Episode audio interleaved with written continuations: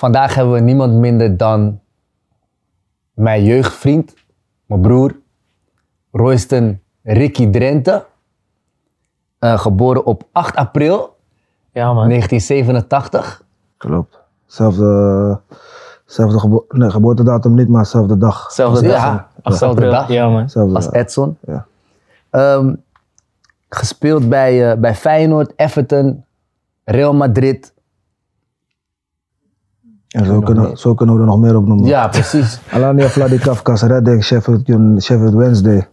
Ehm, we hebben gevoetbald bij Kozakken Boys. Oh ja, We natuurlijk. hebben gespeeld bij Racing Murcia. Ja. Sparta. Sparta hebben we gevoetbald. Jezus. Eh, Natuurlijk eh, onder de 21. ja, toch, eh Jong Oranje. Jong Oranje. Dat begon vanaf onder de 16 tot onder de 17. Eigenlijk die elftallen daaronder was ik geschorst bij Feyenoord. ja. Tenminste, ik ben geschorst geweest twee maanden, waardoor ik zeg maar een periode tot eigenlijk mijn 16e niet werd opgeroepen. Ja. Dat had eh, te maken met een akkefietje wat, wat had plaatsgevonden in Zwitserland volgens mij. Ja, dat was, met, was, onder, was, in, was in Zwitserland inderdaad. Was Marcel Bouw trainer van de B1. Ja. En ik was nog C'tje, ik mocht met Zwitserland, ik mocht met de jongens mee. Akkefietje had plaatsgevonden, waardoor ik twee maanden geschorst werd. En ook vanuit binnenuit van Feyenoord dat ik zeg maar niet mocht opgeroepen worden voor eigenlijk de Nederlandse jeugdelftallen. Eigenlijk tot mijn 16e, 17e. Daarna pas werd ik echt weer opgeroepen. Oranje onder de 17, Oranje- Oranje onder de 18. Ja. En vanaf daar ging het zeg maar... eh, Pakt hij het weer op. ja, het was eigenlijk... Normaal begint die journey zeg maar vrij vroeg. Ik, ik weet nog met jongens als Timon van Leeuwen. eh, Gianni. ehm, ja, eigenlijk waar ik ook bij hoorde, zeg maar. Ehm, die jongens hadden eigenlijk al die volledige journey, zeg maar. Dat, dat, dat, die, die, die elftallen daaronder, onder zeg maar het Jong Oranje. En voor mij was het eigenlijk nieuw. Ik kwam eigenlijk pas bij onder de 17. Ja. En ik moest nog een beetje zoeken. Ik, ik, ik had het nog eigenlijk nog niet meegemaakt. Dat was Ja. me zeg maar afgepakt, maar ook vanuit mijn eigen kant, mijn eigen schuld geweest. Waardoor ik zeg maar niet bij, bij dat soort journeys was. Maar ik had natuurlijk wel al enorm veel meegemaakt met Feyenoord in de jeugd. Zaaltoernooien, voetbaltoernooien waren al, al eigenlijk ge- rondom België, Duitsland, alle Mm. toernooien een beetje meepakte. Mm. Ja. Nice man, nice, nice. Hey, Roysten. Ik moet eerlijk zeggen man. Hoe ik jou ken. ehm, je bent altijd een levendig persoon geweest. Ja, klopt. Snap je? Altijd hoog in de energie. Ehm, en nu bij het binnenkomen zie ik een beetje een gelaten Royston. Ja, Een, een, een Royston die, eh, die een bepaalde rust uitstraalt. Ja, ik vind dat op zich wel een compliment, eerlijk gezegd. Ehm, ik moet zeggen dat ik nog vrij zoekende ben, zeer zeker naar Mm. mezelf. Zeer zeker in het. eh, ja, je bent gewend, ik ben gewend geweest altijd een soort, bepaalde soort image naar buiten te brengen. En zoals je zegt, ehm, een persoon die sowieso altijd vrij aanwezig was. Maar ik denk dat dat ook een bepaalde soort ehm, image was die ik zelf naar buiten wou brengen. Doordat ik zeg maar die voetballer was en in die mannensport terechtkwam. En waar ik zeg maar vergat zeg maar, dat die lieve kant van mij helemaal niet verkeerd is. Zeg maar in de voetballerij. Ehm, ik heb dat, dat scherm heb ik heel lang voor me gehouden. Ik denk eigenlijk pas na mijn 33ste dat ik een beetje zelf, bij mezelf ben gaan ontwikkelen van oké, je hoeft niet altijd stoer te zijn. Je kan ook gewoon af en toe een stapje terug doen en laat maar je lieve kant zien. Wat dat betreft ehm, denk ik dat je helemaal niks verkeerds laat zien. Ik denk dat het ook heel veel te maken heeft met gehad waar ik in ben opgegroeid, waar ik van vandaan kom. En daar was het, als je niet hard bent, ben je eigenlijk ben je zielige Roya, jongen. Roya, Roya, wacht even, wacht, wacht. Want je zegt nu al een heleboel goede dingen. En daar gaan we zo meteen gaan we daarop Ja. terugkomen. Maar onze, eigenlijk onze, want dit zijn allemaal vragen die we zo meteen Mhm. eh, eh, gaan stellen. Maar onze eerste vraag altijd die we aan onze gast eh, stellen is, zo zijn wij eigenlijk begonnen om dit concept vorm te geven, is hoe gaat het met je nu op dit moment? Hoe gaat het echt je? Ja, zoals ik al, eerlijk, zoals ik al eerder aangaf, ehm, nog steeds zoekende, maar ik noem mezelf een beetje een laadbleur in dit proces. Om het feit dat ehm, in die stroomverstelling wat mijn leven is gegaan en waar ik zelf zeg maar, heb in, heb, in heb gezeten vanwege mijn carrière als voetballer, denk ik dat ik zeg maar onbewust zeg maar een bepaalde soort groei, opvoeding en daar laat ik mijn moeder helemaal buiten. ehm, heb moeten missen, onbewust. Je, je stopt heel veel dingen weg op het moment dat je zeg maar met enig verdriet zit of enig issue buiten het veld of het sociale leven wat zeg maar niet gaat zoals je dat wilt, stopte ik, stopte ik dat weg met eigenlijk of voetballen of lekker gaan stappen of een drankje gaan doen. En zo vergat ik het iedere keer. En zo stopte ik het ook iedere keer weg. En dat ging zich op een gegeven moment, ehm, ja, hoe ga ik dat zeggen? Dat ging zich op een gegeven moment in traumatische vorm, zeg maar, Mm. vormen. Maar op latere leeftijd. Hoe gaat het nu met mij? Ik denk dat persoonlijk gezien, denk ik dat het goed met me gaat. Waarom denk ik dat het goed met me gaat? Omdat ik open sta om nog steeds te leren, zeg maar. Mhm. Als ik kijk naar bijvoorbeeld nu, de nieuwe generatie.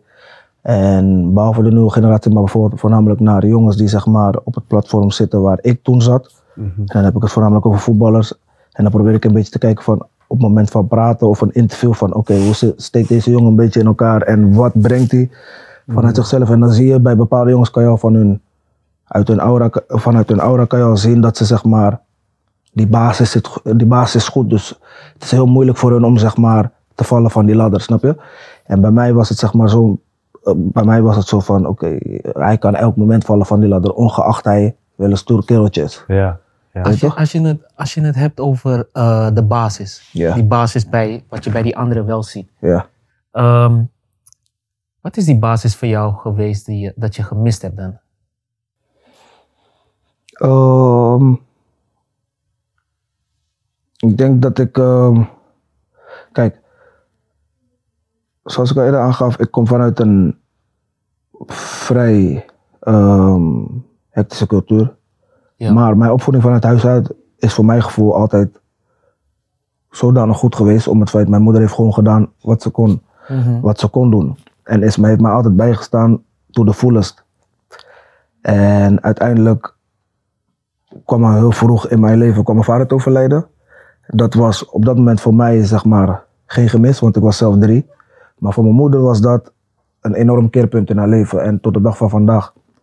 Mijn moeder is een enorm gelukkige vrouw op dit moment. Heeft een nieuwe vriend en alles. Maar je ziet ook dat de baas van mijn moeder is top. Maar als ik soms met mijn moeder praat en we praten gewoon normaal, dan wordt ze emotioneel omdat ze vindt dat ze zeg maar dat zij denkt dat mijn traumatische ervaringen door haar komen. Snap je? Ja, ja. Waar ik haar probeer duidelijk te maken. Dat sowieso op het moment dat ik met haar praat, is bijna altijd emotioneel. Om het feit dat Mhm. zij denkt dat ze daar een beetje in tekort heeft geschoten. Maar uiteindelijk was ik zelf die volwassen guy die zeg maar al heel vroeg in deze wereld terecht kwam. En ik woonde nog thuis. Toen ik die transfer maakte naar Real, woonde ik nog thuis. Dus het was voor mij sowieso een onmogelijke optie vanuit huis uit, zeg maar, alleen naar Spanje te gaan en kijk maar wat je gaat doen. Dus mijn moeder ging met me mee. Dus alles werd, zeg maar, met de lepel zo in mijn mond ge- eh, gegeven. Om het feit dat ik wist niet beter, mijn moeder wist niet beter, mijn tante wist niet beter, niemand wist beter, snap je? Mm. Maar uiteindelijk, zeg maar, het, het Royston loslaten, dat was ook, zeg maar, iets wat een bepaalde soort angst creëerde binnen de familie. Om het feit dat ik was nog Altijd zo beschermd was. Ja, toch? Ja. Begrijp je? Maar uiteindelijk, doordat ik niet beter wist, was het ook zeg maar.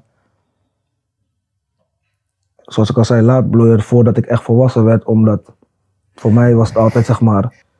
Je weet toch? Ik hoor, ik hoor, ik hoor, ik hoor dat man. Ik hoor dat. En de, absoluut, hier is niet van, oh, dat is goed, dat is slecht. Nee, weet Ja. je, we judge je niet. Ehm, maar het is wel super herkenbaar, man. Ehm, en dan als je het hebt over laadbloeier zijnde. Ik kwam ook pas op mijn eh, zestiende bij een eh, BVO, betaald voetbalorganisatie, bij Utrecht. Dat het toen heel snel is gegaan met mij, weet je, omdat ik ja, die drive en die wil heb gehad. Ehm, maar ik had ook heel lang die hoop en van ja, ik zie boys elk seizoen worden gescout door die, door dat. Ehm, en dan toen op een gegeven moment Utrecht. Utrecht was ik nog, eh, woon ik in Almere, dus dat is vrij dichtbij. Dan ben je nog gewoon elke dag thuis. Maar daarna heel snel, daarna de stap naar Twente. Het oosten van het land Klopt. andere cultuur, andere manier van leven. Uh, met mij toen, uh, eh, huidige, met mijn, met mijn ex-vrouw toen de tijd. Kinderen. Eh, en dan ben je in één keer een man. Ja. Moet je in één keer een man zijn. En dat was, eh, ja, met vallen en opstaan, man. Ja. Dus, dus het, is, het is super herkenbaar. eh, nou, ook voor jou denk ik wel. In, in, het, in het proces. Dat je in één keer een, een versnelling krijgt. Ja, ja mijn, mijn, mijn basis was op zich was het wel goed. Ik bedoel, jij kent mij als geen ander. Ja. En ehm, voor mij was het best wel moeilijk op het moment dat ik richting Heerenveen ging. Want we woonden allebei woonden we nog thuis die tijd. Dat, Klopt. eh, die periode dat we bij Feyenoord speelden. En op het moment dat je naar het buitenland gaat, voor mij was het iets makkelijker. Omdat mijn moeder kon bij me zijn of mijn ouders konden bij me zijn. Op, als we twee uur in de auto zaten. En voor jou was het even wat anders. Dus, dus Ja. en ik begrijp, ik weet vanuit jouw thuissituatie dat ehm, ja, jullie waren, zijn gewoon een hele hechte familie. En dat was gewoon, Ja. was gewoon moeilijk om dat los te laten. En jij was altijd het oogappeltje, zeg maar. Alles werd voor jou gedaan. En, eh, Klopt, of klopt. wordt voor jou gedaan. Ehm, maar goed, we- een van onze stukken in onze, in onze podcast is dat wij eh, de gast vragen ook. Ehm, we stellen tien vragen Ja. om, eh, om de gast wat beter te leren kennen. En je hebt eigenlijk maar een paar seconden om, om, eh, om antwoord te geven. Oké. Brengt een beetje een, een andere dynamiek in, de, in, onze, in onze podcast. Duidelijk. Dus Edson en ik stellen om de, om de we stellen de vragen, de vragen om de beurt, sorry. Ehm, en laten we gewoon beginnen. Onder druk presteren, Precies, Royce. precies. Dat is niet, eh, daar ben je niet onbekend in. Nee, dat klopt. Oké, let's go. Wat ga je dit jaar doen wat niemand van je verwacht? Weet ik eigenlijk niet. Weet ik eigenlijk niet. Daar kan ik niet 1, 2, 3 zo antwoord op geven.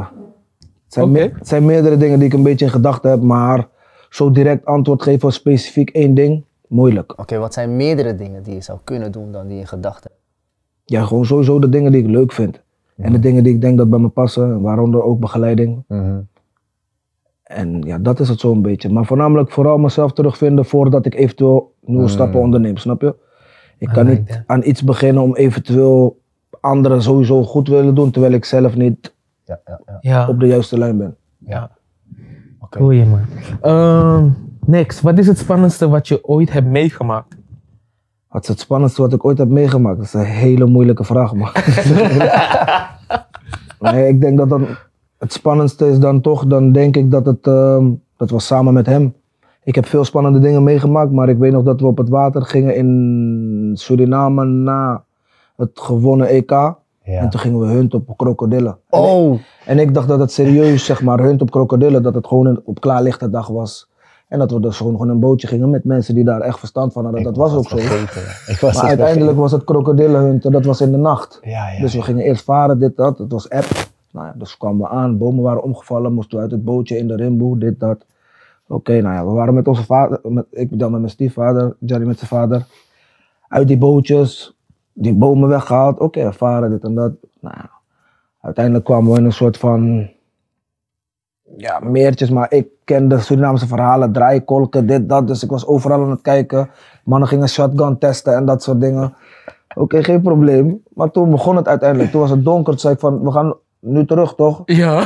Nee, nee, nu begint het. Nu begint het. Wat bedoel je, nu begint het? Nou, dus ik was sowieso al een soort van panisch. Want Ja. nu ben ik in het donker, in de rimboe. en- In Suriname? Met twee guys die het water wel kennen, maar het was donker. Ja. Dus ik had echt het gevoel van, hoe komen we terug? Nou, toen begon eigenlijk het hunten. En toen was het ineens in de boot. Want toen zagen ze een krokodil. En dan met die flashlight toch? Maar dan Ja, kon je toch, ogen- Kon je die ogen ja, dan zien, ja. ogen zien. Precies. Wauw. We beginnen gewoon te schieten in het water. Bam, springen in het water. Graaien naar krokodil. Gooien die krokodil getaped in de boot. Ben je uit het bootje gestapt? Nee, Nee, nee, nee. man, nee. In, in, de, in, de nacht, in de nacht ging ik niet meer uit die boot. De boot was, was safe zone. weet je toch? Maar wist je nog, wist je nog, dat die krokodil, die bewoog. Dat leg ik je uit toch. Hij heeft shotgun kogel gekregen hier, maar hij is nog steeds aan het bewegen in die boot. Ik, achter in die boot, je weet toch. Getaped en al, mond getaped, maakt niet uit. Wow. Ja, ja, ja, maar dat was wel een van mijn engste ervaringen. Ik moet zeggen, Nou, dat is behoorlijk spannend. ja, was super spannend. Ik, zeg eerlijk, ik wou terug toch. Dat was voor mij echt van, we moeten nu wel terug. Ja man, eerlijk. Dope, dope. Oké, Ik next. weet niet of die andere antwoorden aan dit gaan tippen, man. Wanneer moest je voor het laatst hardop lachen? En ik weet, jouw lach is te grappig. Heb je ooit Royce horen lachen? Als hij echt, als ik hij serieus lacht. Zo, wanneer moest ik voor het hard, hard, hard op lachen? En wat ik nog erbij moet zeggen, hij heeft deze stem al sinds hij acht is of zo. Heese stem inderdaad, ja. Ik had altijd bobbels op mijn stembanden.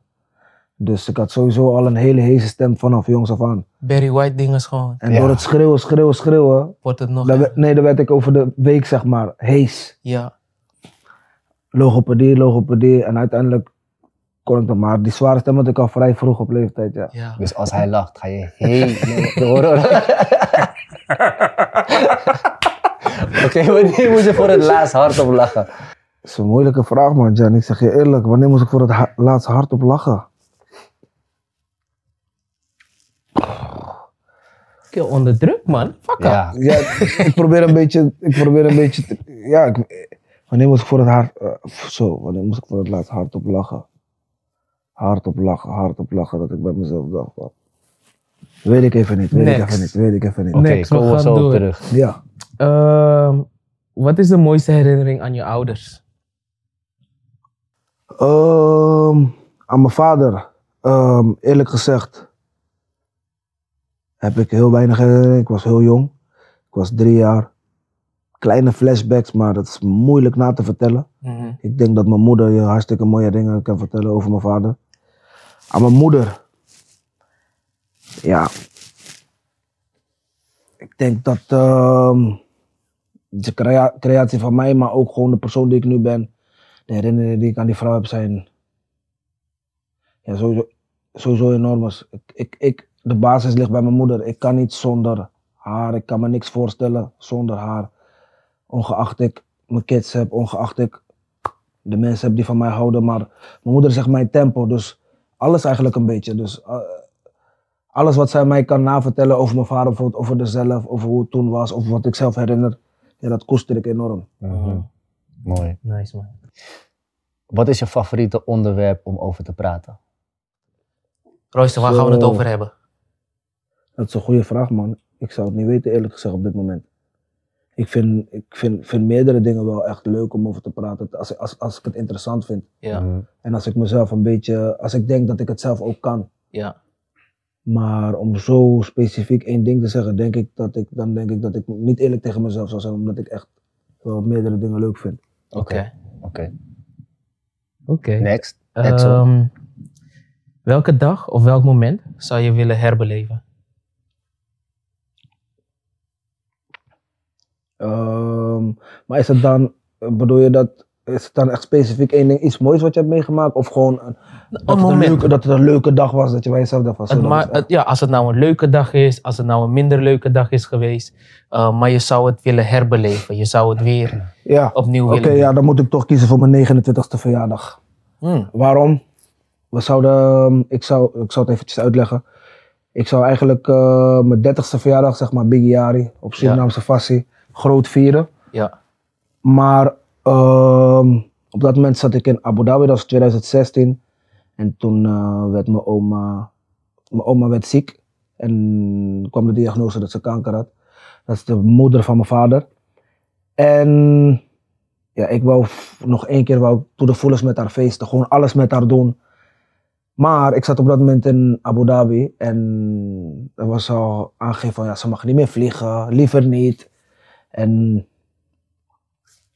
beter dat we het zo doen. Dus op een of andere manier met de, dokter kunnen, met de doktoren kunnen praten en vragen van oké, is, er is er een mogelijkheid dat mijn oma nog één keer deze kant op kan vliegen? Dat ik dan mijn 29e verjaardag met haar dan groots kan aanpakken. Want ik zou dan mijn, mijn- ik zou, dan- ik zou mijn verjaardag wel gewoon in Abu Dhabi doen, maar we zouden gaan uit eten met de familie. Hmm, Uiteindelijk hebben we het geswitcht in een, een jachtparty en mijn Mm. kinderen waren er. Ze is naar zwemparadijzen nog geweest met me. hmm. Maar die party dus, dat was epic. Want mijn oma was ook gewoon op de jacht. Je toch? En mijn oma was- groot. Je toch, was groot. Had een grote mond. Maar ze was ook gewoon op de jacht. Ja. Met de sigaar. Alles, alles to the fullest. Ja. Maar dat zou ik eigenlijk op mijn dertigste doen. Oké. Dus ja, dat zou ik nog wel een keertje willen overdoen. Want mijn Ja. oma's waren wel gewoon eh, allebei. Van mijn moeders kant en van mijn vaders kant. Dat waren, dat waren mijn homies. Ja. Je weet toch, met die andere, met allebei eigenlijk. Op Centraal dan, was ik klaar, Feyenoord C1. En dan stonden ze op, de, op Centraal, want op Centraal had je die bussen die gingen bingo toch? Den Haag, Amsterdam, Utrecht, je weet toch? Ik als teamboy mee in die bussen, je weet toch? Bingo, schrijven daarin. Dat was mijn ding, je weet toch? Mee bingo met oma, je weet toch? Dat soort dingen. We hebben helemaal in die vibe gebracht, begrijp je, je weet toch? Leuk man. Dus ja, dat is voor mij wel, dat, dat zijn wel dingen die ik eh, nog Zo een keer opnieuw zou willen opnieuw doen, zou ja, willen doen, ja. Mooi. Nice, nice. Mooi. Ehm, welke goede eigenschappen van jezelf benut je op dit moment te weinig?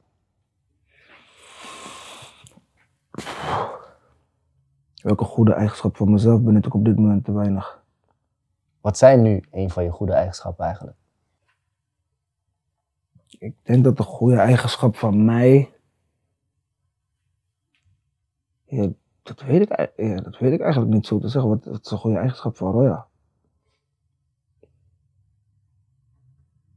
Ik ja, weet, ik ben, ik ik, weet- laat me het zo zeggen. Ik denk dat de goede eigenschap van mij is dat ik sowieso altijd wel een luisterend oor heb naar familieleden. Hmm, Ehm, ik heb zeker mijn harde kant, maar ik denk dat ik zeker een groot hart heb. En dat ik zeker wel willig ben om iemand een tweede kans te geven. En zeer zeker als het vanuit familieperspectief komt. hmm. Ehm, ja, ik denk dat ik wel. Ik denk dat ik wel een goed hart heb. Ja, Zeker. ik kan het. Ik, ik, je hebt een goed hart, bro. En af en een toe wel een klein, ook, ook, ook een klein hartje, dat wordt, dat wordt vaker dan vanaf buiten, mond. van buitenaf, gezegd, Ja, 100%. Ja. buitenaf gezegd. Maar Ik weet niet of dat per se een goed eigenschap is, maar ik denk dat ik wel gewoon wel. is een, eh, hoe zeggen ze dat? Een, eh, een eh, zelf, zelfverdediging mechanisme. Ja, ik, dat, dat, dat, dat, dat, dat woord zou het waarschijnlijk zijn.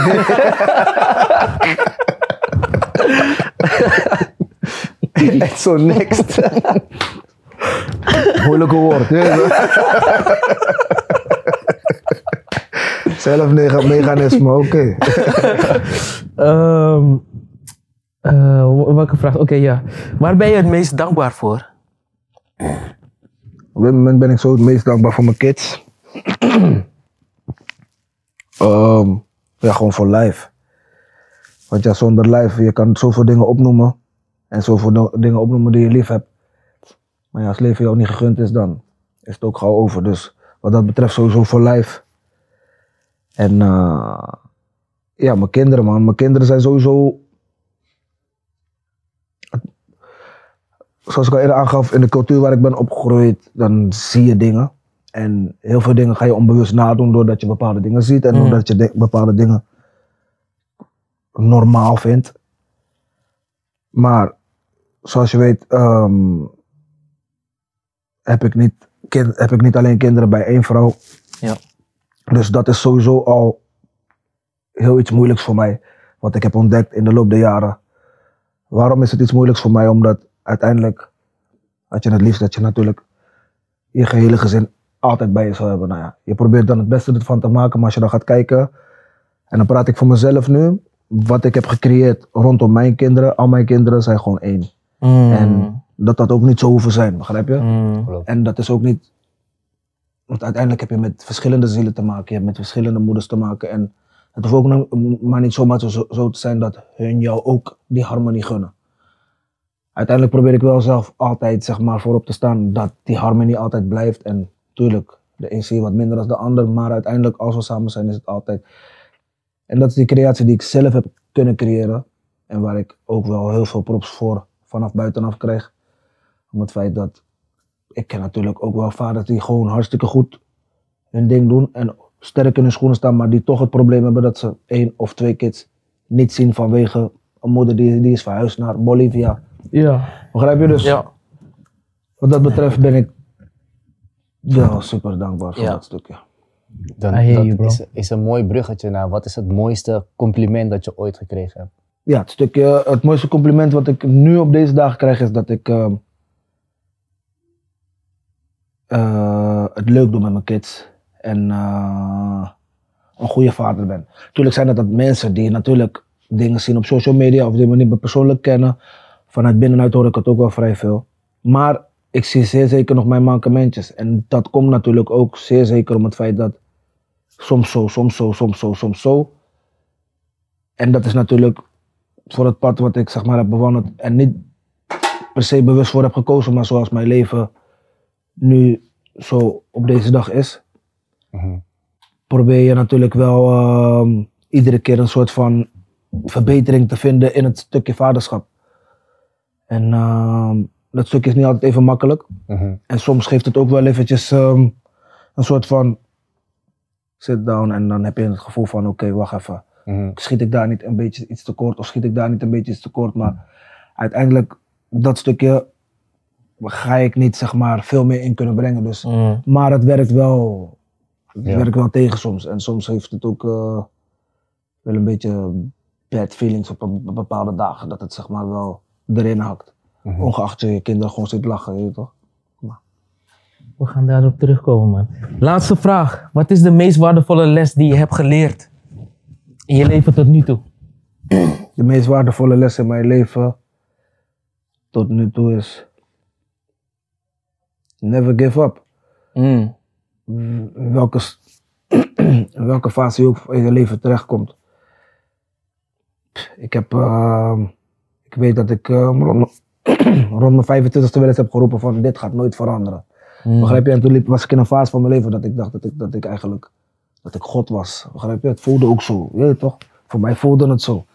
Uiteindelijk, je leeft op dat moment in een periode waar, alle, waar alles roze kleuren maneschijn is, maar uiteindelijk, je kijkt, ik, ik wist zeg maar niet hoe ik moest omgaan met bepaalde downs. Ja. Ik kon alleen maar omgaan met pieken. Omdat ik had alleen maar pieken meegemaakt in de loop der jaren. Snap je? Dus Ja. toen die downs bij mij kwamen, ja, toen was het eventjes. eh, toen wist ik niet hoe ik mezelf moest terugvinden, snap je? Ja. Ik ja. moest met echt mensen gaan praten om eventueel mezelf terug te vinden, omdat ik, ik wist niet hoe dat, ik wist niet hoe dat voelde. Ja. Begrijp je? Ja. En toen ik zeg maar ging erkennen voor mezelf van oké, wacht even, maar oké, dus ik kan ook, ik kan mezelf uit, dit, uit, dit, uit deze soort diepe dal trekken. Ja. Maar dat wist ik helemaal niet. Ja. Ja. Begrijp je? ja, en toen ja, kreeg ik waardering voor die shit. Begrijp je? Toen was het voor mij van oké, je moet eigenlijk niet opgeven. Want ongeacht ik op dat moment gewoon stabiel was, je weet toch, was mezelf uit die diepe dal trekken Ja. was, was, was nog zwaarder dan alles wat ik zeg maar ooit had gedaan. Ja. Ja, man. Ik, eh hey, Roysten, je weet toch, we, hebben, we zijn elkaar een paar keer tegengekomen. Ehm, wat ik net, al- net al zei, ik merk, ik merk wel een, een, een groei Ja. in jou als persoon. Als we kijken naar eh, interviews en die je hebt gegeven, ehm, hoe je jezelf meestal presenteerde, Ja. ehm, merk ik eh, ja, een hele grote stap voorwaarts, groei. Weet je, in de persoon die je, die je toen was, die je nu bent. Ehm, en nog steeds in het proces zit naar de persoon die je uiteindelijk eh, gaat worden. Mhm. Ehm, ik denk dat we allemaal de- deze, deze fases hebben, hebben meegemaakt. Ehm, zeg maar als ik, als, ik, als ik verkeerd zit. Ik proef nog een beetje. Ik proef nog heel veel pijn. Ja, Ik, ik proef nog heel veel verdriet. Sowieso. Ik proef nog heel veel. ehm, ehm, dat je bepaalde situaties. Ja, je bent in een proces, maar nog niet echt geaccepteerd hebt. Ehm, ja, ik denk dat sowieso, je hebt sowieso gelijk over een stukje pijn, verdriet. Omdat ik voel voor mezelf nog dat ik in een verwerkingsproces zit. Ongeacht je bepaalde dingen al lang een plek hebt kunnen geven, Ja. zit ik voor mezelf nog gewoon met heel veel vragen. En die vragen zijn, hoeven niet per se beantwoord te worden, want uiteindelijk heb ik wel mezelf er doorheen leren slaan. Ja. Maar ehm, ja, zo is het wel. Weet toch? En uiteindelijk is dat ook wel een stukje wat ik voor mezelf heb geaccepteerd en waar ik zeg maar wel mee leer delen. Om, ongeacht ik zeg maar zelf heel veel, zelf heb, heel veel heb gel- geleden en zeg maar nog steeds in die proces zit, Ja. weet ik dat ik ook heel veel andere mensen zeg maar heel veel leed heb aangedaan met hoe ik zeg maar mijn lifestyle gewoon zeg maar. Mijn Mhm. lifestyle was niet hetgene wat zeg maar paste in het stukje wat ik wil presenteren. Mm, Begrijp je? Je trouwt op 23 23-jarige leeftijd. Maar als jij je lifestyle niet wil aanpassen, voor wat Mm. trouw je dan? Mhm. Op dat moment, begrijp je? Mm. Nou, dus dat soort stukjes. Als je dan teruggaat van, oké, stel dat ik niet getrouwd was geweest rond die leeftijd. Dan had ik misschien een vriendin, dan was mijn lifestyle misschien niet toepasselijk aan een vriendin hebben, maar dan was het waren het makkelijkere dingen om Ja. te verwerken, snap je? Ja, ja, ja, ja, ja. Maar je gaat, je go with the flow, je maakt spontane keuzes en dat, eh, behalve spontaan, ja. Dat was hetgene wat ik dacht dat ik op dat moment moest doen en dat voelde ik op dat moment. Mhm. Maar uiteindelijk heeft het niet zijn vruchten ervan afgeplukt, snap je? Bij jou, Johnny? Heb jij dat? Als je terugkijkt, dat er nog eh, bepaalde situaties zijn die, eh, Ja, sowieso. ja, Ehm, ik heb sowieso heb ik in bepaalde situaties gezeten of dingen gedaan waarvan ik denk van ja, weet je, had ik dat maar niet eh, op die manier opgelost of die keuzes gemaakt. kan je Maar een de- voorbeeld eh, geven? Ah, hebben we het nu over voetbal gerelateerd of privé? Iets wat jou gewoon pijn gedaan heeft, verdriet. Ehm, ja, ik denk, ik denk eigenlijk een beetje hetzelfde als wat Royston heeft gehad. Dat ik ook zeg maar in de periode dat het dat allemaal heel erg goed ging. Ja. Ehm, dat ik niet, ik was niet de juiste persoon voor familie, vrienden, eh, vriendin. Ja. Ehm, en dat ik zeg maar mezelf niet echt kon zijn. Maar aan de andere kant moet ik zeggen, dat is ook het proces van eh, volwassen, vol, Van, volwassen van, van, worden. van jongens zijn en volwassen worden. Precies. En- Precies. en, eh, natuurlijk eh, ga je eh, om met bepaalde dingen, ehm, misschien op een verkeerde manier.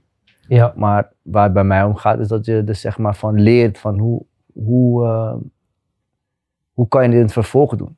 Ja. En ehm, ik denk dat we daarom hier ook hier zitten om zeg maar knowledge te geven aan de volgende generatie. Ik bedoel, Roya, jij bent een, een, een, een perfect voorbeeld ehm, voor een ieder eigenlijk die zeg maar het, het, het alles heeft gezien. Laag, hoog, weer naar beneden. Ehm, je geeft zelf toe, je had bepaalde dingen heel anders willen doen. Ehm, dus daarom vind ik het maar, ja, vind ik het verschrikkelijk mooi dat we hier nu kunnen zitten. En dat jij jouw kennis kan delen over Kees Goed. Ik heb fouten gemaakt en eigenlijk zou ik dit willen doen. Daar komen we straks op terug van als ik de kennis eh, had die ik nu heb, dan had ik bepaalde dingen heel anders gedaan. Ja. Weet je? Ehm, maar ik ben ook heel erg benieuwd van als we kijken naar, jou, naar je jeugd, weet je, hoe je dat hebt doorlopen. Je hebt, je hebt Rotterdam, Mhm. wat was het, Rotterdam West, Ik kom uit Rotterdam West, ja. Rotterdam West, Neptunus, Feyenoord. ehm, in de jeugd en dan weer even terug naar Excelsior. Klopt. ehm, weer Feyenoord, ik bedoel, we kennen elkaar al sinds we een jaar of zeven zijn. Klopt, klopt. En ehm, hoe, hoe was dat eigenlijk, zeg maar, eh, die stap toen je, toen je naar het eerste ging? Ik, ik kan mij nog één ding, ik kan, ik kan me nog één ding herinneren. En ik weet, niet, ik weet niet of je dat zelf nog herinnert. Ik maakte die stap naar het eerste net iets eerder dan dat jij deed. Ja, anderhalf jaar zo, man. Precies. Klopt. En, en ik kan me nog precies herinneren, jij zei tegen mij van, op het moment toen jij je debuut had gemaakt, zei je, Johnny, ik kan eindelijk nu dezelfde kleren kopen als dat jij kan kopen. Ik weet niet of ik, dat ken ik me herinneren, maar het zou zomaar wel iets kunnen Ja. zijn wat ik tegen jou gezegd heb. En, en wat deed dat stukje, zeg maar, met, je, met dat stukje fame dat je op dat moment kreeg? Wat ging er door je heen? Wat, wat, wat voor, was er een, ook vanaf dat moment ook een bepaald verantwoordelijkheid die je, die je op je nam? Ik bedoel, je hebt het de hele tijd over familie en Ja, eigenlijk niet. en alles. Kijk, eigenlijk niet. Kijk, in de finesses kan ik het je niet meer precies, precies vertellen. Maar ik weet nog wel dat ik bij het eerste kwam. Dat eigenlijk vanaf daar begon, zeg maar, mijn joy, maar ook mijn ellende, zeg maar. Mhm. Begrijp je? Omdat toen begon ik te beseffen van, hé, ik kan dit zelf. Dat was mijn visie, snap je? Heb je druk gevoeld? Ehm, ja, ik heb wel druk gevoeld. Zeker eh, hele gezonde zenuwen. Ja. Maar bij Feyenoord was ik ehm oogappel van het publiek. Je toch? Dus ik kon Ja. 80 fouten maken en ik werd nog steeds op handen en voeten gedragen. Ja. Dus dat was een ander soort druk. Begrijp je? En op dat moment was ik ook gewoon in mij. Ik was super Je in mijn. Ik- ja. Waar ik ook speelde, ik wist ik kan gewoon, weet je toch? Ja. En ik kreeg ook die, die soort van vrijheid van de trainer, snap je? Ja. En kijk maar, want in mijn beginperiode dat ik bij het eerste kwam, we spelen tegen Ajax. Ik werd ineens onder druk op linksback gezet. Die wedstrijd ik gelijk uit, ik pak Tom de Mil bij zijn voeten, scoren 4-1. Normaal gezien na zo'n wedstrijd 2, uitstijgen. Begrijp je? Ja. Maar, ja toch wat ik bedoel. Maar was geen probleem. En toch kreeg ik weer die credits uiteindelijk links, half links buiten. Want uiteindelijk werd ik op alle soort posities Ja. werd ik ehm, gebruikt door de trainer. Maar toen begon ik, zeg maar, te groeien. Begrijp je? Terwijl die ruimte wat ik zeg maar kreeg bij Feyenoord, die kreeg ik niet bij Real Madrid bijvoorbeeld. Weet je toch? Ja. En dat was voor mij, ik begreep dat niet. Ja. Begrijp je? Terwijl die knop moest ik al lang omgezet hebben. Maar Ja. Achteraf gezien, met die leeftijd die ik had, kon dat ook helemaal niet. In, in hoe, waar, waar ik nu persoonlijk in geloof, kon dat ook helemaal niet. Ja. Was je ready? Was je ready op dat moment voor die? In mijn gedachten was ik super ready. Toch? maar Had je, had je, als je, die, als je dus terugkijkt, hè, zou je weer die keuze maken om naar Madrid te gaan? ik denk dat ik wel die keuze maak, zou maken om naar Real Madrid te gaan. Wat had je anders gedaan? Je bedoelt qua transferwijs? Of? Ja, er is een maar. Ik hoor een maar. Ja, ja, ja, ik had sowieso die keuze gemaakt om naar Real Madrid te gaan, omdat dat was sowieso jongensdroom. Mhm. Squala was Real Madrid mannetje. Wie is Squala? Wie is Squala? Wie is Squala? Squala is mijn stiefvader. was, is, is, eh, is, mijn moeders ex-vriend, zeg maar, mijn stiefvader. Die heeft eigenlijk het proces van mij, van jonge jongen tot aan, tot aan Feyenoord 1, Mhm. helemaal volgebracht. Ja. Dus hij moet sowieso die erkenning krijgen. Ja. Hij moet sowieso die erkenning krijgen van, man, toch, hij liet mij gewoon toch, alles zien van, Hij was de man. in hij was de man in huis, de man in Squala. mijn leven. Credits. ja, toch? Ja, dus sowieso. Ehm, moeilijk, man. Moeilijk. Waarom moeilijk? Ik denk dat ik op dat moment sowieso in mijn flyzone was qua voetballer. En die transfer verdiende. Maar was het op dat moment het juiste moment? Had ik nog een jaar, lang, eh, een jaar langer bij Feyenoord moeten blijven? Weet ik niet. Wat ik meer bedoel te zeggen is dat hetgene wat ik zeg maar gewend was bij Feyenoord, dat ik mijn fouten mocht maken, dat ik, wist, ik, ik, ik moest van tevoren al weten dat op het moment dat je naar een grote club gaat, dat, dat is niet meer hetgene wat je kan verwachten. Dat ze je de tijd geven, je de tijd Ja. geven. Nee, wat op zich wel normaal is, want als je ergens binnenkomt bij een nieuwe baan, dan is het zo van oké, we gaan je een beetje helpen, we gaan je een beetje Dat laten zien hoe het- gemoedelijke, hoe- ja, maar nee, man. Ja, maar ja, dat- ja, dat- ja, ja. Dat, dat, dat bestaat niet in onze sport. In de top, in de Snap top je? In niet. de top niet, begrijp je? Dus dat was voor mij super moeilijk. Dus toen ik te maken kreeg met fouten maken in het veld en mijn eigen publiek keerde, mij, Stond keerde zich tegen mij, voor. dat begreep ik helemaal niet. Ja. Dus ik ging toen ook mij bemoeien met het publiek van uiteindelijk interview, ik doe me zeggen van ze kunnen me rug op, dit, dat. Ja. Maar ja, die zelfvertrouwen kwam niet terug. Ja. Ook al deed ik stoer buiten het interview. Die zelfvertrouwen, ik wist gewoon als ik een wedstrijd tegen was het voor mij nu van... Vriend, Je twee, speelt tegen het twee, publiek. twee foute paas is broja. Ja. Dus dat, heeft, dat moest ik op een gegeven moment oplossen met sportpsychologie. En toen Heb ik je dat toen wel gedaan? ge- Ja, dat heb ik toen gedaan. Huh? Dat wist ik niet. Dus Ja. echt, ja. In de tijd van Real. ja toch, want ik kreeg te maken... Mijn 21ste, mijn 20ste, 21ste ging alles lekker. Ja. Mijn 22e kreeg ik te maken met dat. En toen heb ik gekozen voor sportpsychologie via de club. Ja. Mhm. En die meneer legde me toen uit van, oké, weet je wel wat het stukje Real Madrid betekent? Nou, op dat moment, Was het een Real Madrid fan? Maar die meneer stond, eh, hij heeft mij eigenlijk zeg maar, mij, echt wakker geschud in het stukje van, want ik speelde bij Real. Ik wist dat Real de grootste club ter wereld was. Maar ik wist bijvoorbeeld niet dat er meer dan een miljoen leden wachtende staan op een seizoenkaart bijvoorbeeld. Dat de meeste supporters boven de 60 plus zijn. Dat Real Madrid alleen voor de prijs speelt. Dat, het, dat wist ik wel, maar ik bedoel van mijn Mhm. Feyenoord, weet toch? Dat supporters komen niet om wedstrijden te kijken en te verliezen. Ze willen alleen maar trofies zien. En, Ja. en dat, dat bijvoorbeeld ehm, Madrid, dat is de club van de stad. Als, je kan die me- de club staat waarschijnlijk boven de politie, boven alles, begrijp je? Ja. Mensen leven voor de club, snap je? Ja, Dus ja, ja. Meneer legt er maar uit van, hier, je moet het zo zien. Jij speelt hier voor de grootste club ter wereld. Deze mensen willen alleen maar prestaties zien. Op het moment dat hun denken dat jij niet past tussen de stukken, dan gaan ze jou heel gauw boeien. Dat geldt voor de trainer, dat geldt voor jou, dat geldt voor Raúl, dat geldt voor Guti, dat geldt voor iedereen. Ja. Zo, zijn ze, Mm. zo is het Ja. publiek gewoon. Mm. Het Ja. publiek is meer van oude generatie. Ja. Zodra er niet goed wordt gevoetbald, dan word je gezeik, ja. Toen, kon ik het op een of andere manier een soort van plekje geven. Ja. Mhm. Maar toen ging ik ook een beetje begrijpen wat eigenlijk Real Madrid betekende. Maar voordat ik daar eigenlijk, toen ik daar had ik moest dat al weten voordat ik daar had getekend. Ja. Ja, ja, ja.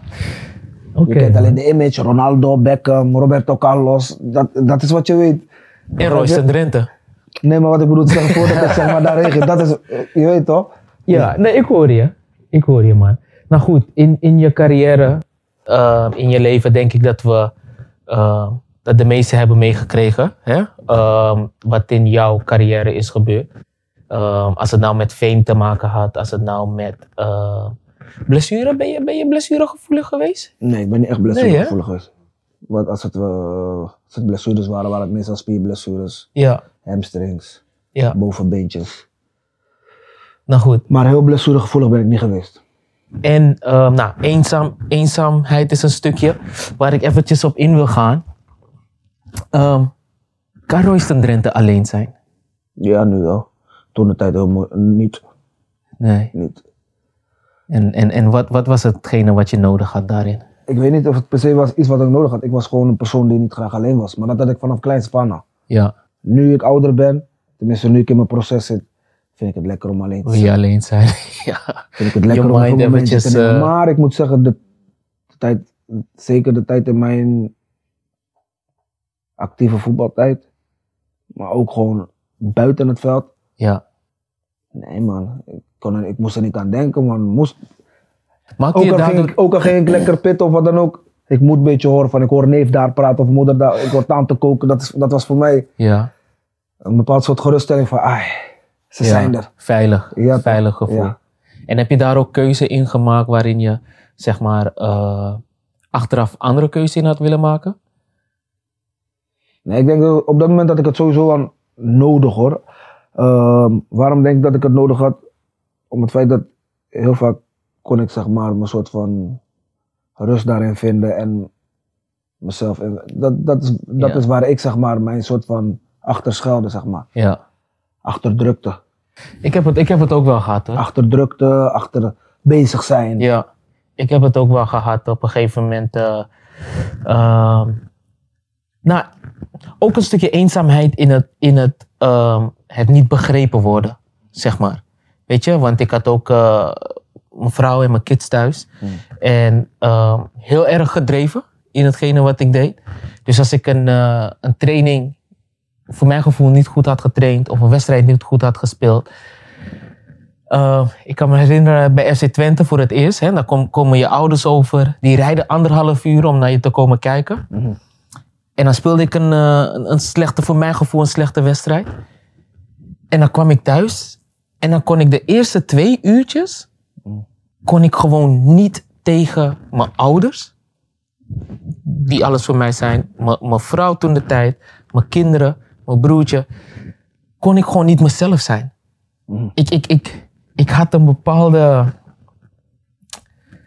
Ja, ik weet niet. eh, eh, ik weet niet hoe ik het kon noemen. G- Gedachte, verdriet, pijn, eh, gevoel.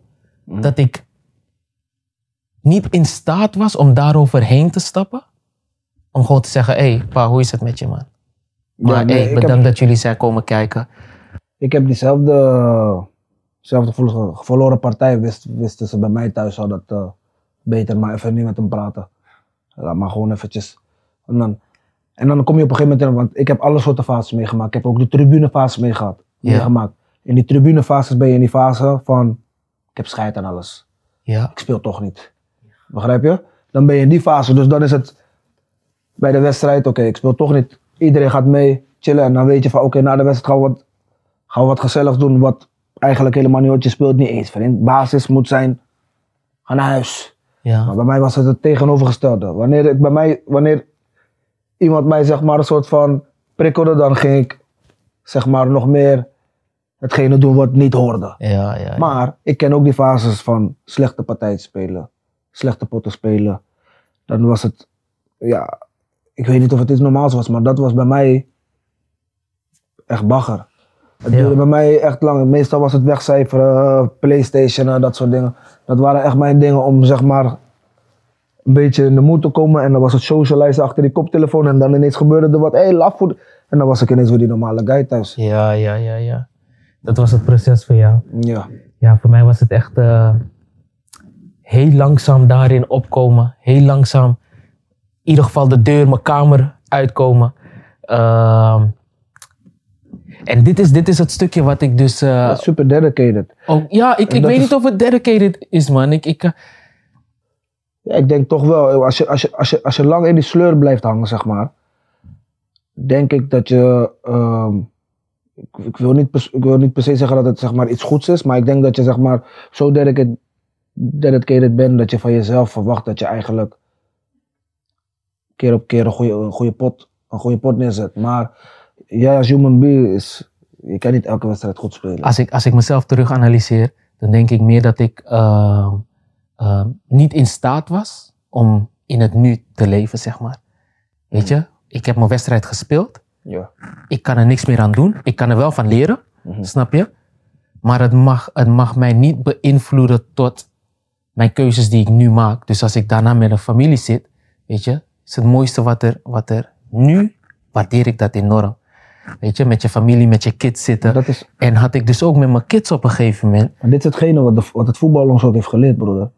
Als jij bijvoorbeeld een verloren wedstrijd had, ge- eh, geef maar, je verliest een pot, eh, wat was een derby, Utrecht, eh, wat was de grootste derby? Utrecht Ajax. Geef maar bijvoorbeeld Utrecht-Ajax. Ja. Stel dat jij die wedstrijd verliest Ja, en jij kiest er gewoon voor, jouw vrouw heeft niet gekookt die avond, en je kiest er gewoon voor gewoon normaal een hapje te gaan eten met jouw gezin, ja, ja toch? Ja. Maar jij wordt gezien na die wedstrijd in de media. ja. Dan heb je de, dan, dan, dan, dan, dan, dan, dan gaan alle, alle, alle remmen los. Het zo'n braafheid na de wedstrijd, verloren wedstrijd in een restaurant gezien. Terwijl jij bent helemaal niet daar. Hmm. Je gaat gewoon met gezin weg. Dat is wat hun van ons maken. Nou goed, dat, dat wat je zegt, weet je, en dat is ook iets waar ik nu heel erg bewust van ben. Ehm, wat je zegt, het stiekeme gevoel. ehm, dat we bezig zijn met de outside noise. Oh, Ja. Ik heb verloren, dus ik mag eigenlijk nu niet met mijn gezin gaan. Want mensen gaan, wat mensen van ons gaan vinden. Wat mensen hun mening op dat moment gaat zijn. Uh, en ik denk dat dat sowieso iets is. Ik denk dat, dat elke speler, elke atleet daar wel tot een bepaalde grens gevoelig voor is. Ja, Weet ik je, was daar heel gevoelig voor. Ik persoonlijk was daar sowieso heel gevoelig voor. Om het feit dat het disciplinaire vlak was voor mij sowieso al een heel, een heel hoog mijlpaal. En natuurlijk had ik mijn periodes dat ik echt wist dat ik echt goed bezig was bijvoorbeeld. Maar soms had ik ook zoiets van, nee man, eh, dit werkt niet voor mij, zo je toch? En toen bij Real speelden bijvoorbeeld, zaten we altijd in een winning vibe. Bij Feyenoord zaten we ook in een redelijk winning vibe en dat soort dingen. Dus dat is wat ik zag vanaf dat ik bij het eerste kwam. Winnen is plezier. dat is wat ik heb meegekregen. Als je gaat kijken naar Lichting, Pierre van Hooijdonk, Theo Jansen. Daar begon het voor mij. Winnen is plezier. Biertje. Begrijp je? Dus, zo kwam ik sowieso in die model. En bij, bij Real Madrid was het op een gegeven moment van... Eigenlijk vanaf het begin was ik was nummer 15, Guti was nummer 14. Hij had gelijk die, die hand om ons heen gedaan. Mij snijden. Dus maar kinderen, willen jullie plezier? Jullie zijn met mij. Ja, maar Guti was ook een ander verhaal. Hoe, was je? je, hoe was je band met Guti dan? Ja, dat was. Toen ik, toen ik eigenlijk bij Real kwam, wist ik wel hoe groot zeg maar, de club was. Ik wist dat Guti en dat soort jongens uit de jeugd kwamen. Maar ik wist niet exact hoe groot ze eigenlijk waren. Ja. Je? je weet toch? Was, was echt. Was heel. En ook op het moment dat ik zeg maar erin rolde, besefte ik ook nog steeds niet van hé. Je ging gewoon mee in die stroom. Begrijp je? Ja, Voor ja. mij was het nog witte sokken toen de tijd. Toch, Ik kwam outfit, ik kom met witte Adidas sokken. Cannavaro zegt tegen mij, wat kan met jou? Hij zegt, kom horen. ik zeg, wat is gaande? Hij zegt, maar als jij in Italië zou wonen, je zou nooit meisje mee naar huis nemen. Ik zeg, waarom niet? Hij zegt, die witte sokken nooit meer doen. Hij zegt, je bent nu Real Madrid speler. Je hebt altijd zwarte sok. Ja. Maakt niet uit wat die model is. Ja. Dus ik dacht van, wat zegt deze man allemaal? je weet toch? maar ja, Fabio Cannavaro zegt dat. En sowieso, bij ons was ook gewoon, je speelt bij de groep. Ik moest helemaal inkomen, want ik, ongeacht- ik kwam uit Nederland. En natuurlijk, we hadden het op dat moment, we zaten in het eerste bij Feyenoord. En dan deden we ons, wij deden ons winkelen bij toen de tijd Caesar. Ja.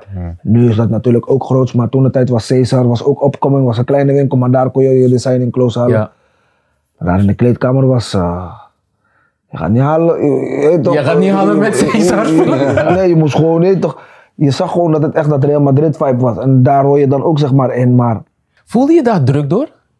tuurlijk, Ja.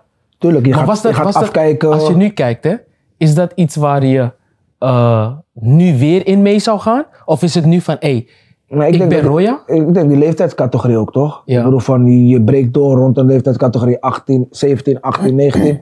Dat is sowieso waar je naar gaat kijken. Hmm. En dat is denk ik ook een hele grote valkuil in de voetballerij. Omdat je moet volwassen worden in de periode dat jij zeg maar al carrière maakt. Mhm. Begrijp je? Jij, gaat niet, jij wordt geen profvoetballer als je 30, 31 bent wanneer je al hoop hebt gezien. Hmm. Nee. Wauw. 17, 18, 19, 20. Dus jij zit sowieso in die periode dat design in close gaat jou eventueel wat doen. Ja. Hoeft niet per se. Maar het kan eventueel iets zijn wat je leuk gaat vinden. Ja, Ga je veel pap maken, ga je sowieso erin mee, in meerollen. ja. Jij kan mij niet vertellen dat de mensen die, die, die, die, die, die, Nou, die, ik- die, ik denk- die ik denk het nog nice wel. vinden, vinden Ja. het niet nice. Ja, precies. Zo is het gewoon. Nou, ik denk dat stukje bewustwording is bij... Juist, een stukje bewustwording stukje gaat op een gegeven moment komen, begrijp je? maar goed, sommige, sommige, sommige spelers, sommige mensen, die zijn daarin natuurlijk een stukje verder. Precies, Eh, en die dat- zijn, die zijn ehm, ik wil niet zeggen vooruitdenkend, maar die zijn al wel met stappen bezig van, hey, ik heb een eh, korte periode in mijn carrière waar ik zoveel, zo mogelijk. En die heb ik, zoveel heel- mogelijk die heb ik helemaal verdienen. niet gehad bijvoorbeeld. Ja. Zoals ik al tegen je zei, rondom mijn 25ste dacht ik van dit is het. Ja, En dit gaat nooit voor veranderen. life, ja. Begrijp je? ja. Die besef wat jij nu aangeeft, terwijl, het wordt je vaak gezegd, je carrière is maar is van korte duur. Maar Had jij mensen om je heen die daarin eh, het verschil in konden maken? Want dat wordt ook. eh, Ja, ik denk dat ik is ook een belangrijk. ja. Had ik mensen om me heen die daarin het verschil konden maken, die me echt op patent konden maken van pik. ehm, ja, het, werd wel, het werd wel vaak tegen me gezegd, maar het ging wel echt het ene oor in en het andere Maar hij was eigenwijs. Juist. Hij was eigenwijs. Vroeger, Bepaalde dingen werden wel echt was- vaak tegen me gezegd, maar ja. heel, veel, heel veel komt ook gewoon. Bij mij op dat, zeker in, als ik terug ga in die periode 23, periode 28. Ja. Heb je, heb je spijt van bepaalde keuzes? Nee. Zou je dingen anders doen? Ik zou dingen anders doen, maar ik heb totaal geen spijt van mijn handelingen en van hetgene wat ik heb gezien in deze periode als voetballer. Niks niet. Waarom niet? Ik was op dat moment, ik heb al die leeftijden, zeg maar, gepasseerd. En om nu te zeggen, op 35-jarige leeftijd van, oké ja, ik zou op mijn 25 zou ik dit zo doen, zo doen, zo doen. Tuurlijk, ik erken mijn fouten, maar ik weet niet of ik het anders had gedaan rondom die periode. Want wie zegt dat ik op dat moment al opgewassen was tegen al die druk of tegen die keuzes die ik op dat moment maakte. Snap je? En ik denk dat het heel makkelijk en ja, dat het heel makkelijk is om te zeggen van ja, ik heb spijt om het feit dat ik heb dat rond die periode gedaan en dat moest ik niet doen. Dan weet ik zeker dat ik eventueel nog had gespeeld nu bij Manchester United. Mhm. Weet ik niet. Dat was op dat moment mijn persoon, snap je? Als ik op het moment dat ik bij Everton speelde water bij de wijn had gedaan en een veel betere band had gecreëerd met David Moyes, dan had ik waarschijnlijk hele andere paden nog kunnen bewandelen. Maar Daar ging je lekker. dat was mijn, juist precies, ik denk dat dat mijn beste periode in mijn ge- gehele carrière was. Wat was dat? F- Everton. Everton, Everton, Everton, hè? Op dat Ja. moment wou ik geen water bij de wijn doen qua salaris. Ik wou geen water bij de wijn doen. Om het feit dat ik dacht dat de trainer mij altijd als voorbeeld nam. Omdat ik van Real kwam en continu de pick-up had. En op dat moment heb je continu ruzie met een trainer, maar hij laat je wel elke keer spelen. En dan maak je nog brokken ook. Ja, dan, in mijn hoofd was het zo van, ja, dit is lekker. Ja. jij, jij mag zeggen wat je wil.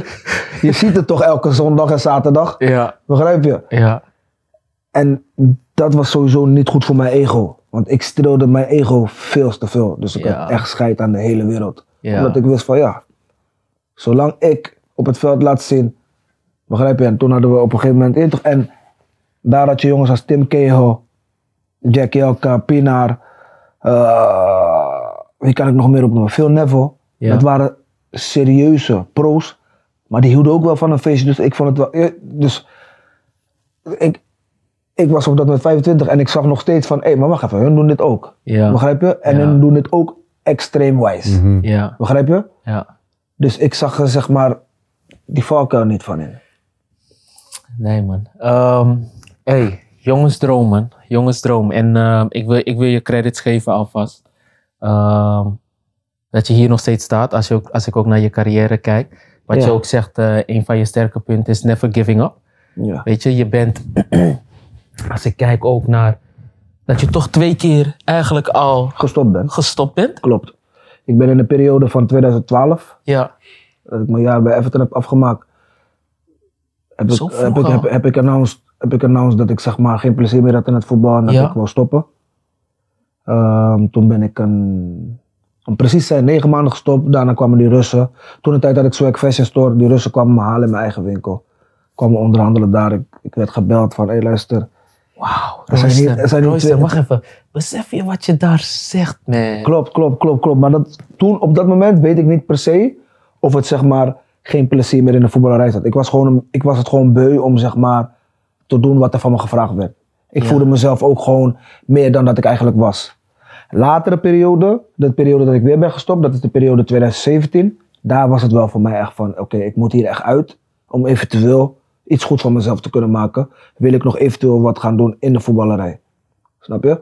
In de periode van 2012 was het meer gewoon van. In dat jaar maakte ik zoveel dingen mee in de voetballerij. Het ging zo goed en ik deed, het ging zo goed op het veld, maar. Dus ik dacht dat. Wat ik, dus ik dacht dat met hetgene wat ik laat zien op het veld, dat ik zoveel credits buiten het veld had. Ja, Begrijp je? ja. Maar- Maar goed, ik bedoel, die credits komen weer terug naar negen maanden. En dat zie je helemaal daarin komen zoeken. En denk ik van, ja, hé, ze willen je wel heel graag. Snap je? Maar goed, negen maanden ehm, niks doen. Ja, In iets wat we dagelijks moeten beoefenen. klopt. eh, fit moeten blijven. Een bepaalde lifestyle eh, moeten hanteren. Doe je het wel weer? Kom je wel weer terug? Ja, kijk, wat dat betreft, dat zijn nog wel een van de, de, een van de dingen waar ik bij mezelf, voor mezelf eh, wel nog steeds in mijn handen klap. Dus, Waarom tot de dag van vandaag? Nu merk ik bijvoorbeeld wat het kost, zeg maar. Je hebt zeg maar de sporter, ja, gewoon de creatieve sporter, gewoon de normale van 9 tot 5 die week, wekelijks een beetje sport. En die heeft gewoon de juiste bouw en doet zijn ding. Je hebt natuurlijk ook de megasporter, maar je hebt de topsporter. Vroeger wist ik niet wat topsport inhield. ja, Ik dacht dat ik wist wat topsport inhield. Weet je waarom ik dacht wat, dat ik wist wat topsport inhield? Op Alexander College hadden we topsportklas. En dat soort dingen. En dat werd gezegd Feyenoord, Ajax, eh, ik bedoel Feyenoord, Excelsior, Sparta.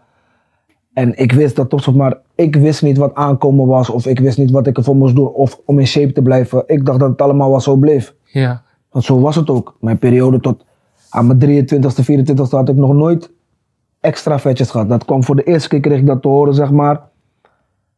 Nee, ik kreeg de eerste keer te horen bij, toen ik terug bij Jong Oranje kwam. ja. Toen kregen hij, ik, Evander Snow, moesten extra bos lopen omdat we te zwaar terug waren gekomen vanuit twee weken vakantie. Hé, wacht, wacht, wacht, wacht. Moment, moment. Jij zat daar ook bij? Oeh, Ik was niet te dat zwaar. wist ik. Oeh. Ik was niet te zwaar. Vetpercentage Mijn was niet hetzelfde. conditie was gewoon niet goed genoeg. Ja, maar dat is op basis van vetpercentage. te veel eten, Niks gedaan in, niks gedaan in de vakantie. Ik was zo, ik had zo en zo. Ik, Ik had was ook vet. zo. Ik was ook zo. Maar dan moet je, moet, moet je nagaan. Ik was ook zo. Daar had ik nog niet eens die besef van wat zegt hij allemaal. In ieder geval, ik was boos. Ik was zelfs mijn nummer kwijtgeraakt. Ja, klopt. Mijn nummer 8 had mijn nummer 8, af- nummer 8 afgepakt. Waar ik zeg maar Europees kampioen mee was geworden. Ja, Daarom moest ik een andere nummer kiezen. Van, hij vond, Haan vond van nou, jullie zijn maar, hadden een weekje vakantie of zo. En die weekje, ja, Ja. want die besef had ik zelf nog niet. Ik wist, ik, ik wist wel wat, wat we meekregen, de planning en dat soort dingen. Maar als ik die planning ging bij mij Prullenbak. Ja. Maar bij wie niet? Is vakantie. Ehm, Deed jij het? ja, man. Ik heb nooit mijn heb- zomers... eh, In de jeugd heb ik nog nooit gedaan. Ik heb me, ik heb me daar wel, eh, wel aan gehouden, man. Ik was wel iemand die daar eh, ja, eigenlijk. Dat zeg ik, jij was dedicated, maar ik was die mannetje. Maar Die ik ook- papier, ik- zodra ik in de auto ging, die papier ging in rugtas. Eerlijk gezegd, als ik heel eerlijk ben. Als, ja ik, broer, ik zeg je eerlijk. als, ik, als ik naar het talent van jou en Gianni ook kijk. ehm, pure talent. Ja. Ja, broer. eh, ik zeg je eerlijk, man. En het talent om, als ik naar jullie keek, en dan met name ook naar jou. eh, we speelden heel vaak op dezelfde positie, linksback. Klopt. Maar jij ging dan ook, je had heel veel aanvallende kwaliteit. Jouw creativiteit naar voren toe was, was Nee, maar daarom, daarom moet ik ook tegen jou zeggen, sorry dat ik je onderval. Bij mij was het ook pure talent. En dat is ook de reden waarom ik nu tegen jou kan zeggen bijvoorbeeld, die extra's, ik moest daar pas later achter komen, zeg maar. Ja, Dus op het moment dat wij in teken van Olympische Spelen naar China dat papiertje meekregen van oké, dit moeten we doen, dus zodat jij op dezelfde lijn blijft en terugkomt, ja, die besef had ik niet. ja. Voor mij was het gewoon zo van, het is vakantie, dus tante Helen, eten, drankje doen. Begrijp je? Gaan we weer beginnen? Tante ik, ben Helen. scherp, ik ben scherp trainer.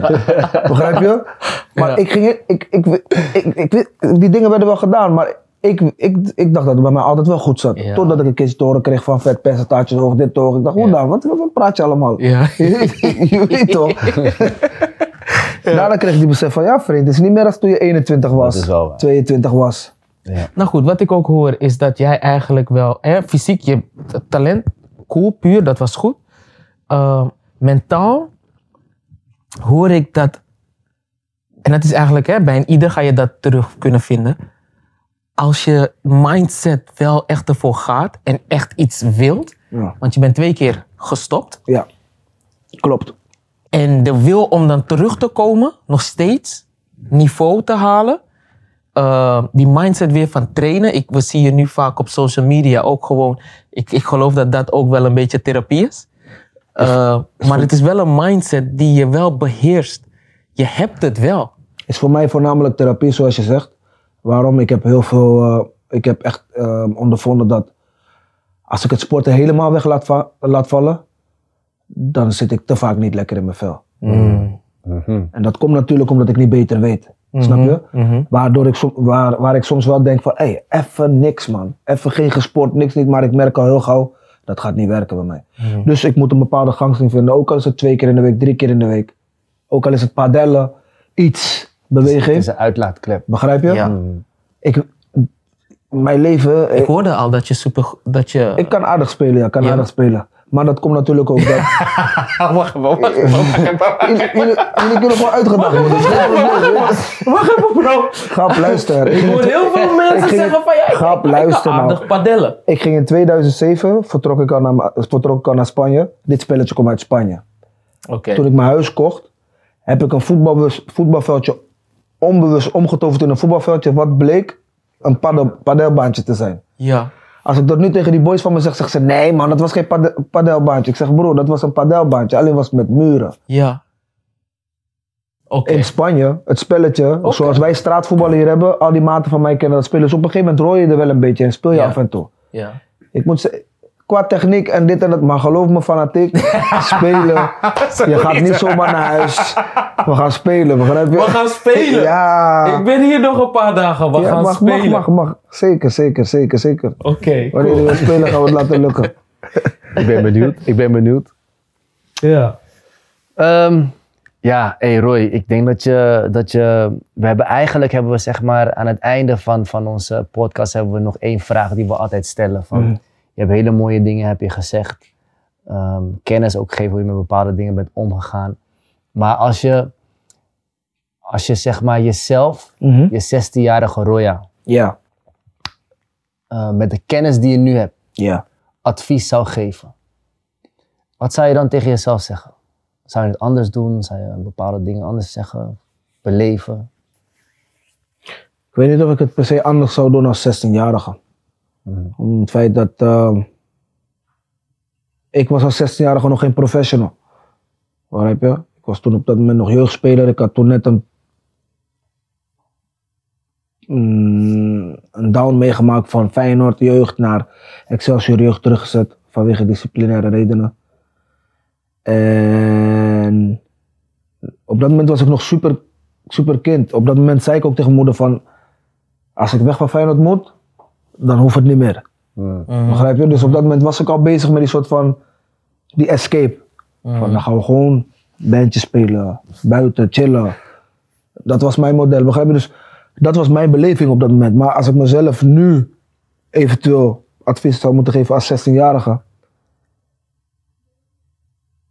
zou ik wel eventuele dingen kunnen aangeven, maar ik weet niet per se of ik mijn jeugd zou willen veranderen. Want ik heb wel echt, echt, echt een prachtige jeugd gehad. Ik zeg hem anders. Echt een mooie tijd. Je weet toch, ik vond het echt geweldig, begrijp je? Met de kennis die je nu hebt, zou je de 20-jarige Roya Ja, dat- ik denk dat dat een betere vraag is.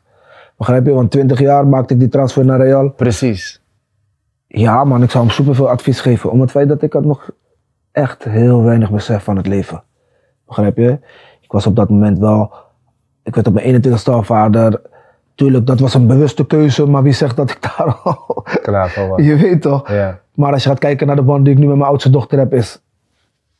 Je weet toch, amazing. Maar toch, begrijp je? Je, je maakt impulsieve keuze omdat het kan. Begrijp je? Ehm, ik denk dat als ik meer tijd had genomen in mijn proces van vaderschap, eh, in mijn proces van binden, dat ik zeg maar meer tijd had gehad om mij zeg maar beter te kunnen focussen op het stukje voetbal alleen. Eh, wat voor advies zou ik mezelf nog meer geven? Ja. Moeilijk, moeilijk wel. Hey, voor voor 90.000 man voetballen is, is, is moeilijk advies geven. je toch? ik, wil je, ik wil je nogmaals, man, eh, een compliment geven. Eh, ik, ik, ik, ik zie jou als een succesvolle man. Dankjewel, dankjewel. Ja, man. Wordt gewaardeerd. man. Eh, ik zie jou echt als een succesvolle man. Eh, waarom ook, is eh, je, hebt, je hebt die rollercoaster, je hebt die ups en downs, snap je? En wat je zelf ook net verteld hebt, is dat je jezelf hebt weten, eh, ja, eruit weten te trekken. En ehm, we maken dat allemaal mee. En ik weet dat schaamte, zeg maar, misschien. eh, Hele grote rol gespeeld, heel lang. Oh, oh, hè, maar, maar je bent er nog, man. En je bent nog relevant. Snap je? Je bent er nog. Ja. En eh, mijn complimenten hoe jij nu hier jezelf presenteert. Eh, dikke, dikke complimenten. Ga zo door in het proces waarin je zit. ja, dankjewel. Snap je? Ehm, en ik weet dat er gewoon nog heel veel moois voor jou op je pad eh, tegen gaat komen, man, bro. Serieus. Dankjewel, Dus dankjewel. eh, blijf wie je bent. Blijf dicht bij jezelf. Groei nog zelf daar dichter tegenaan. Maar hou dat vooral vast. Hou dat pure Ja. die jij bent. Je bent gewoon letterlijk een, een, een, een, een, een stuk puurheid. Hou dat vast, man. Want dat is wie jij bent. En mensen waarderen dat. ja, Ik ben daar sowieso eentje van. Ik, ik denk dat ik ook van Gianni mee kan praten. Dat, Zeker. En ik dat we denk dat gewoon heel erg waarderen, man. met de ervaring die jij nu hebt Ja. en de kennis die je zeg maar, aan de next gen kan geven, dat is echt zo waardevol. En je, zegt, je zei net zelf in het begin, je bent bezig als, als mental coach, wat wil je ook worden, om de, de volgende generatie zeg maar, bewuster van te maken, die keuzes die jij hebt gemaakt, het, het, het ander perspectief, perspectief te geven, zodat ze andere keu- keuzes kunnen maken. En dat is mooi, dat kan je alleen maar, eh, dat zie je als mens. Ik ken je sinds vroeger. En ehm, ik zie een hele andere Roya hier voor me. Echt. Thanks, thanks man, Ja, thanks. en ik, ik zeg je eerlijk, ik kan, eh, met, ik kan zeggen dat ik echt trots op je ben. Ja, je weet toch. Ik, ik moet zeggen, zoals ik eerlijk tegen je zeg, het is niet altijd even makkelijk geweest. Voornamelijk ook, je weet toch, je moet dingen gaan accepteren. Bij mij was het ook heel moeilijk om bepaalde dingen te accepteren. Van oké, zo, zo.